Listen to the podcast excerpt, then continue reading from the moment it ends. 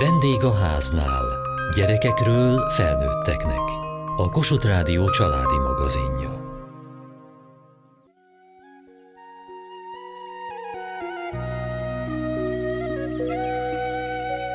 Óvodás koromban nagyon szerettem rajzolni, gyurmázni, lelkesen készítettem a kézműves ajándékokat az egész családnak. Az iskolai rajzóra inkább unalmas volt. Ugyanúgy dolgozatokat írtunk, és ugyanúgy piros tollal javították egy-egy sutában húzott vonalamat, mint más tárgyaknál. Szerencsére lehet ezt másképp is csinálni, és nem is az a cél, hogy festőművész legyen az átlag gyerekből, hanem hogy a művészet által többet és mélyebben tapasztaljon meg a világból és önmagából.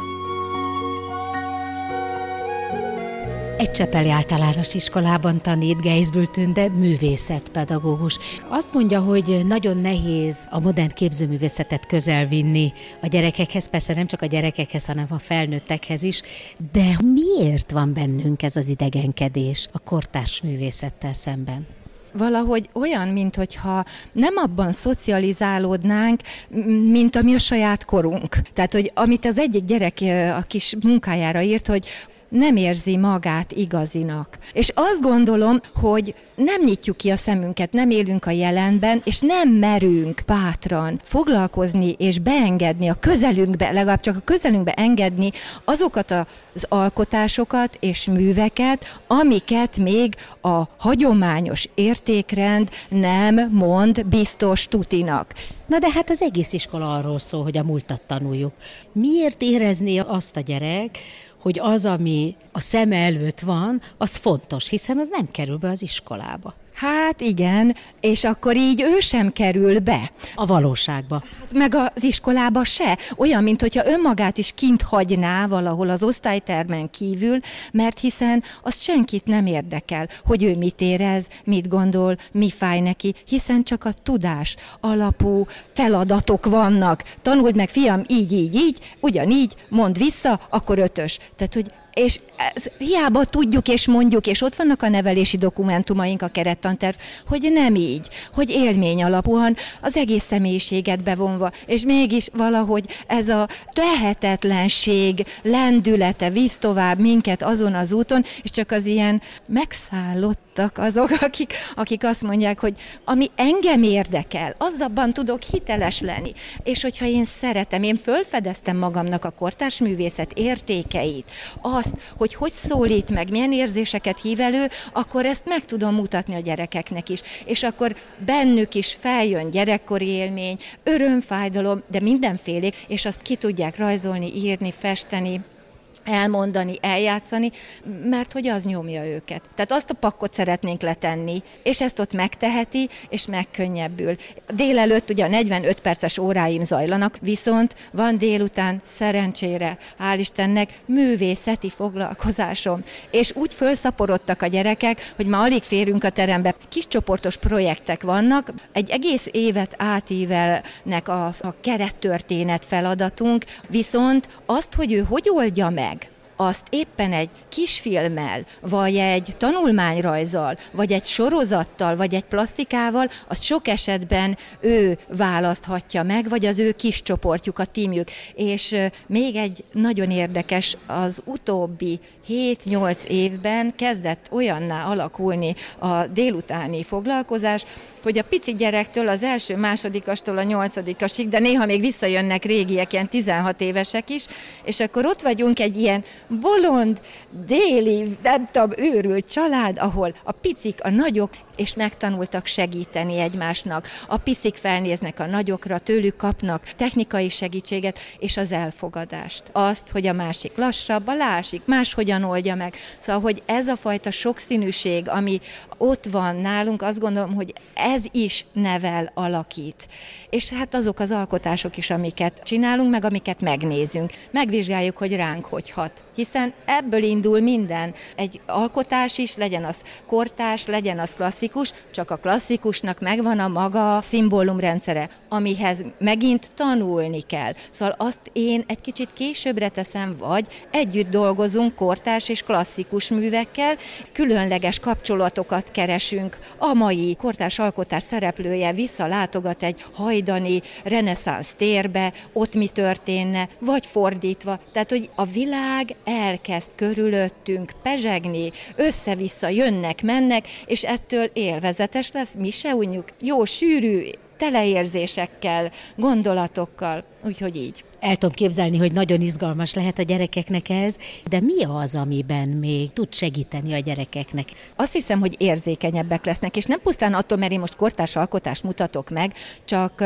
a kortárs alkotást azért tartom fontosnak, mert ott olyan tárgyak vannak, olyan szereplők vannak, amik ismerősek számukra. Ilyeneket látok otthon, ilyeneket látok az utcán, a, a számítógépes játékomban, az akárhol, tehát hogy nem idegen, nem kell neki feltétel, meg tanultsággal rendelkezni, hanem ismerős, és elő is hív ilyen élményeket, emlékeket, tehát hogy ezért Viszont egészen szokatlan szituációk és helyzetek vannak a kortárs alkotásokon. És akkor ez kíváncsiságot gerjez bennük. Ha kíváncsi vagyok, akkor már nyitott is vagyok, mert meg akarom ott tudni, hogy ott mi lehetett, meg hogy lehetett. Aztán, ahogy mondtam, amikor elkezdjük azt megtapasztalni, hogy ugyanazt a látványt látjuk, és mégis annyi féleképpen érzünk. Az egyik az dühös lesz, és teljesen tagadó, a másik meg oda lesz, és csupa jó érzés. Hát azért, mert más tapasztaltunk, más a családunk, mások a körülményeink, mások a történéseink, élettörténetünk és az a sajátunk, és ezt megtapasztalja, hallja, hogy a másik másfélét érz, érez, mást gondol, és megtanulja elfogadni. Tehát nyitott lesz, érzékeny lesz, és empatikus lesz, és az érzékenység utána átvihető máshová is.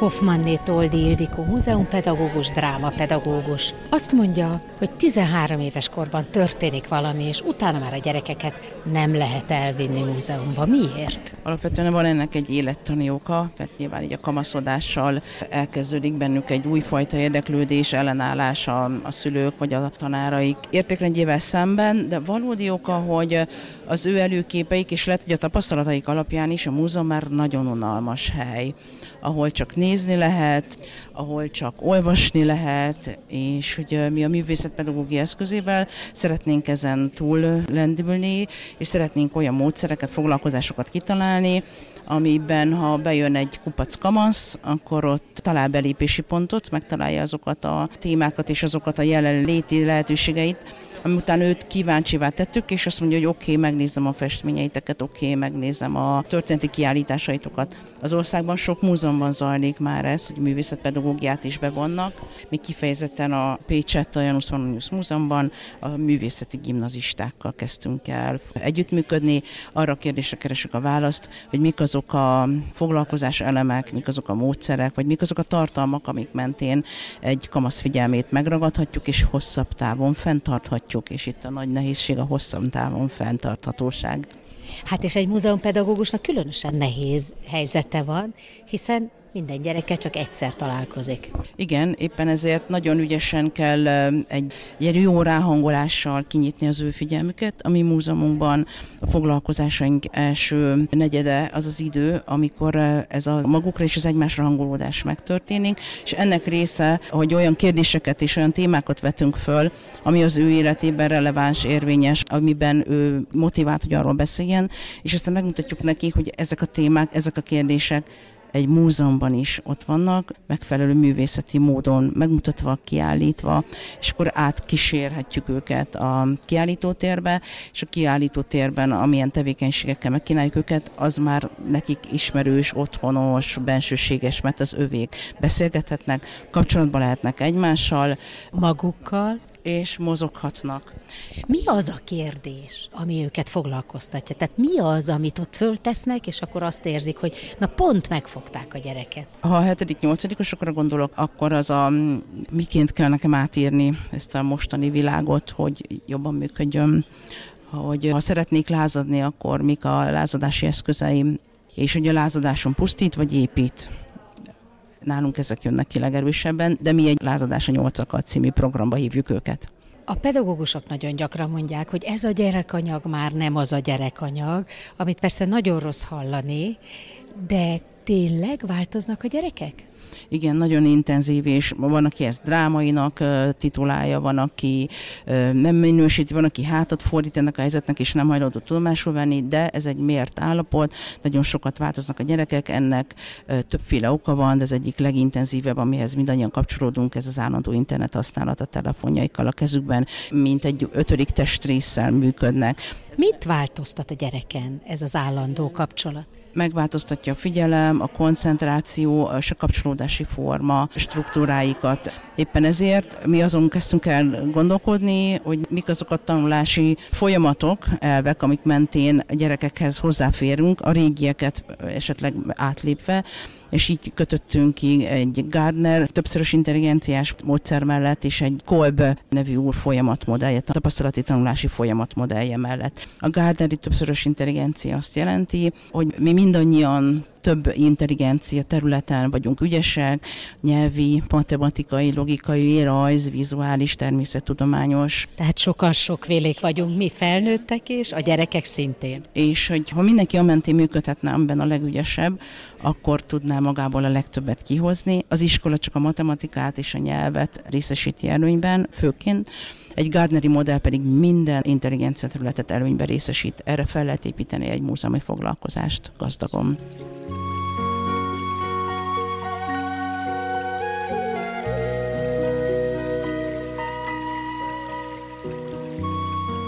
Varga Zita múzeumpedagógus a Ludwig Múzeumban és képződő művészetterapeuta. Hogyan lehet ötvözni a múzeumpedagógiát és a művészetterápiát? Például a Ludwig Múzeumban, ami kortárs műveket mutat be, és ráadásul gyerekek számára. Én nem mondanám azt, hogy nehezebb a megközelítés, inkább az, hogy több közünk van hozzá. Tudjuk azt, hogy egy IKEA szatyor, az honnét jött, értjük annak a, a szimbólumrendszerét, de mégis távol tartjuk sokszor magunktól ezeket az egyértelmű jeleket, és megkérdőjelezzük, de nem tudunk sokszor segítség nélkül választ kapni rájuk.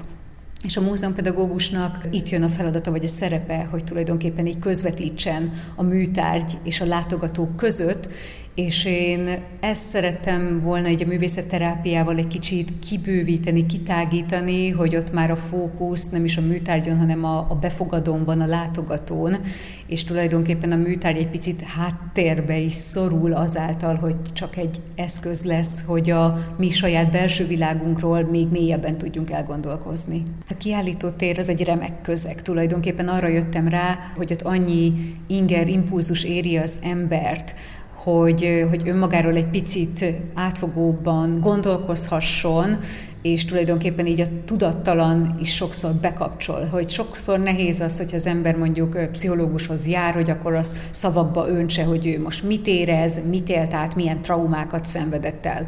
És sokszor egy műtárgy képes arra, hogy, hogy ezeket a mélyen elfedett, elnyomott érzéseinket hívja elő, és akkor azt mondjuk mi egy újabb alkotásba formáljuk át a Tate Britain felmérése alapján ez derült ki, hogy a látogatók 8 másodpercig néznek meg bármit is, ami a múzeumban van. Ezzel szemben itt egy lassú befogadás, vagy egy lassú szemlélet, vagy szemlélés lép be. Hogyan lehet ezt használni, és miből áll? Hát én ezt a slow looking gyakorlatsort, ezt egy ilyen tényleg egy ilyen vezetett figyelés, egy lassú szemlélődésnek szoktam nevezni amit érdemes itt saját magunknak is elsajátítani, mert én is azt vettem észre magamon, hogy amikor külföldön vagyok, és mondjuk pár órán van arra, hogy meglátogassak egy, egy múzeumot, ott én is egy gyorsabb tempót veszek föl. Szóval, hogy önmagamra is rá kell sokszor szólnom, hogy nem, ami érdekel, azt akár nézzem hosszan, perceken át, üljek le előtte, merüljek el benne, ami meg nem érdekel, azon meg nyugodt szívvel sétáljak tovább. És ezt nem könnyű elsajátítani,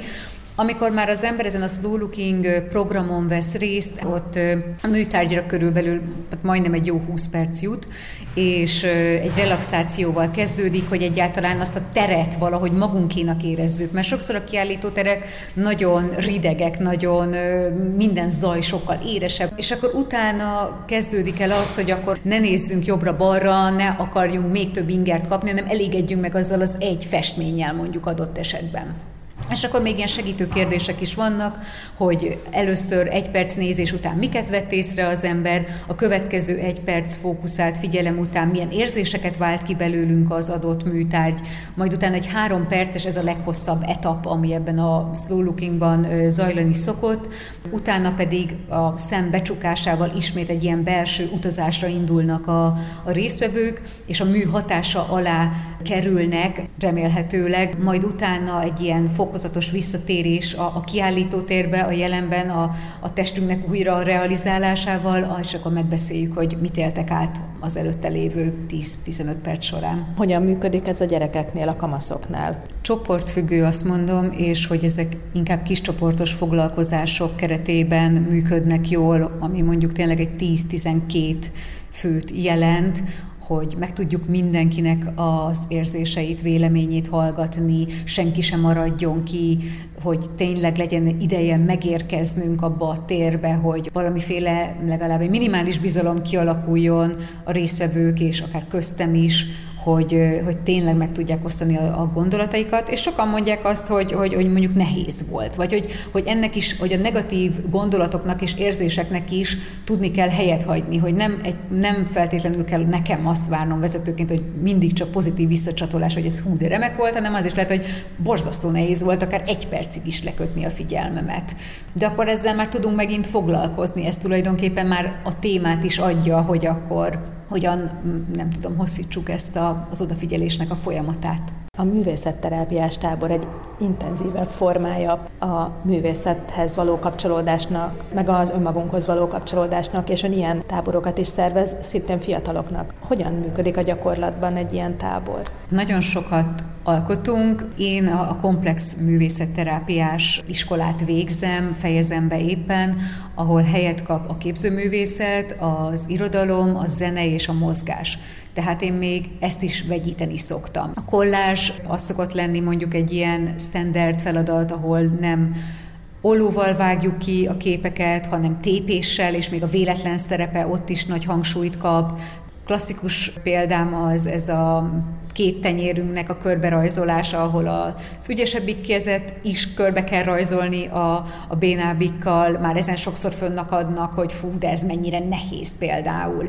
És akkor megkérem őket, hogy valahol érintkezzen a két tenyér, hogy az hogy, azt már ők döntik el és hogy gyűjtsenek így az újakba öt olyan tulajdonságot, amit szeretnek önmagukban, és öt olyat, amin pedig változtatni szeretnének. És ez fontosnak tartom, hogy nem öt rossz tulajdonságnak a megnevezését kérjük, hanem itt is már az instrukció is az, hogy ezeken lehet változtatni.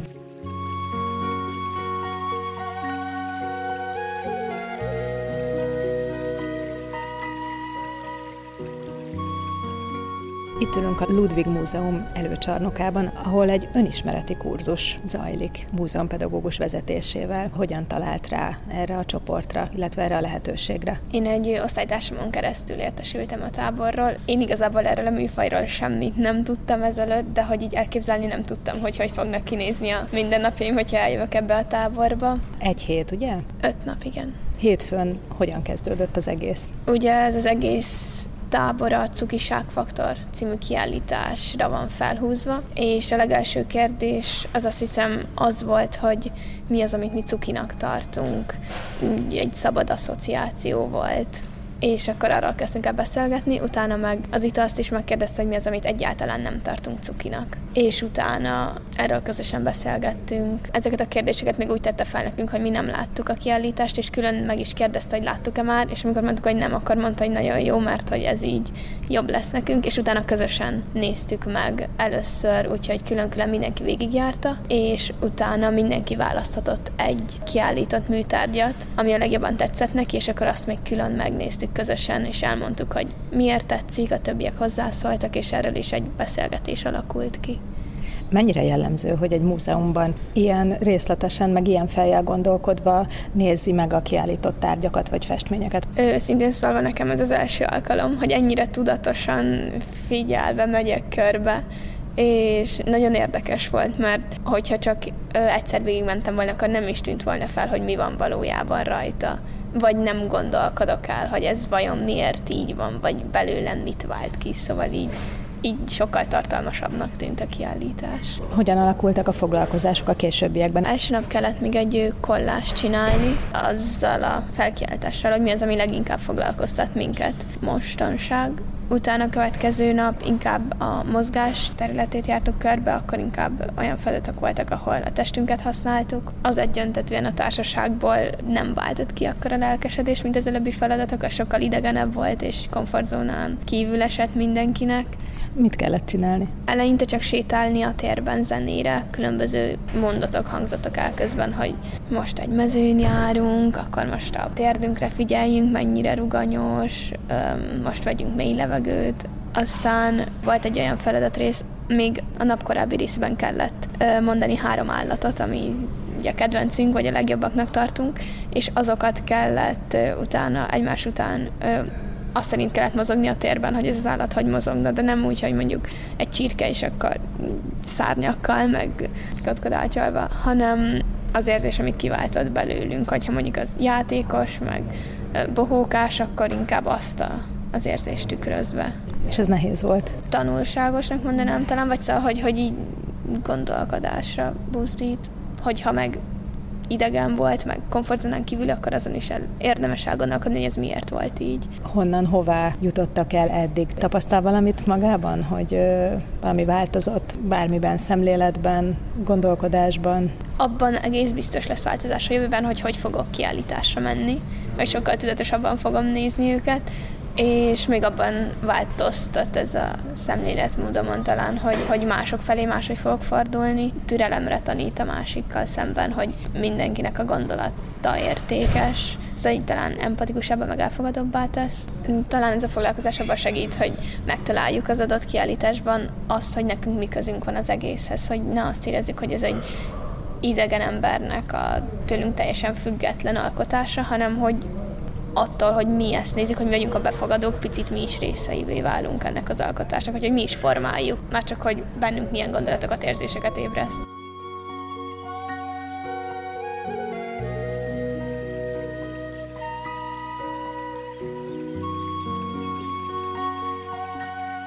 Mai adásunkban elhivatott művészetpedagógusokkal beszélgettünk, akik kicsiknek és nagyoknak egyaránt segítenek elsajátítani a művészetek nyelvét. Kövessék műsorunkat podcaston, vagy keressék adásainkat a mediaclick.hu internetes oldalon. Várjuk leveleiket a vendégháznál kukac mtva.hu e-mail címen. Műsorunk témáiról a Kossuth Rádió Facebook oldalán is olvashatnak. Elhangzott a vendégháznál. A riporter Hegyesi Gabriella, Mohácsi Edit, a gyártásvezető Mali Andrea, szerkesztette a felelős szerkesztő Hegyesi Gabriella. Hamarosan a déli krónika következik.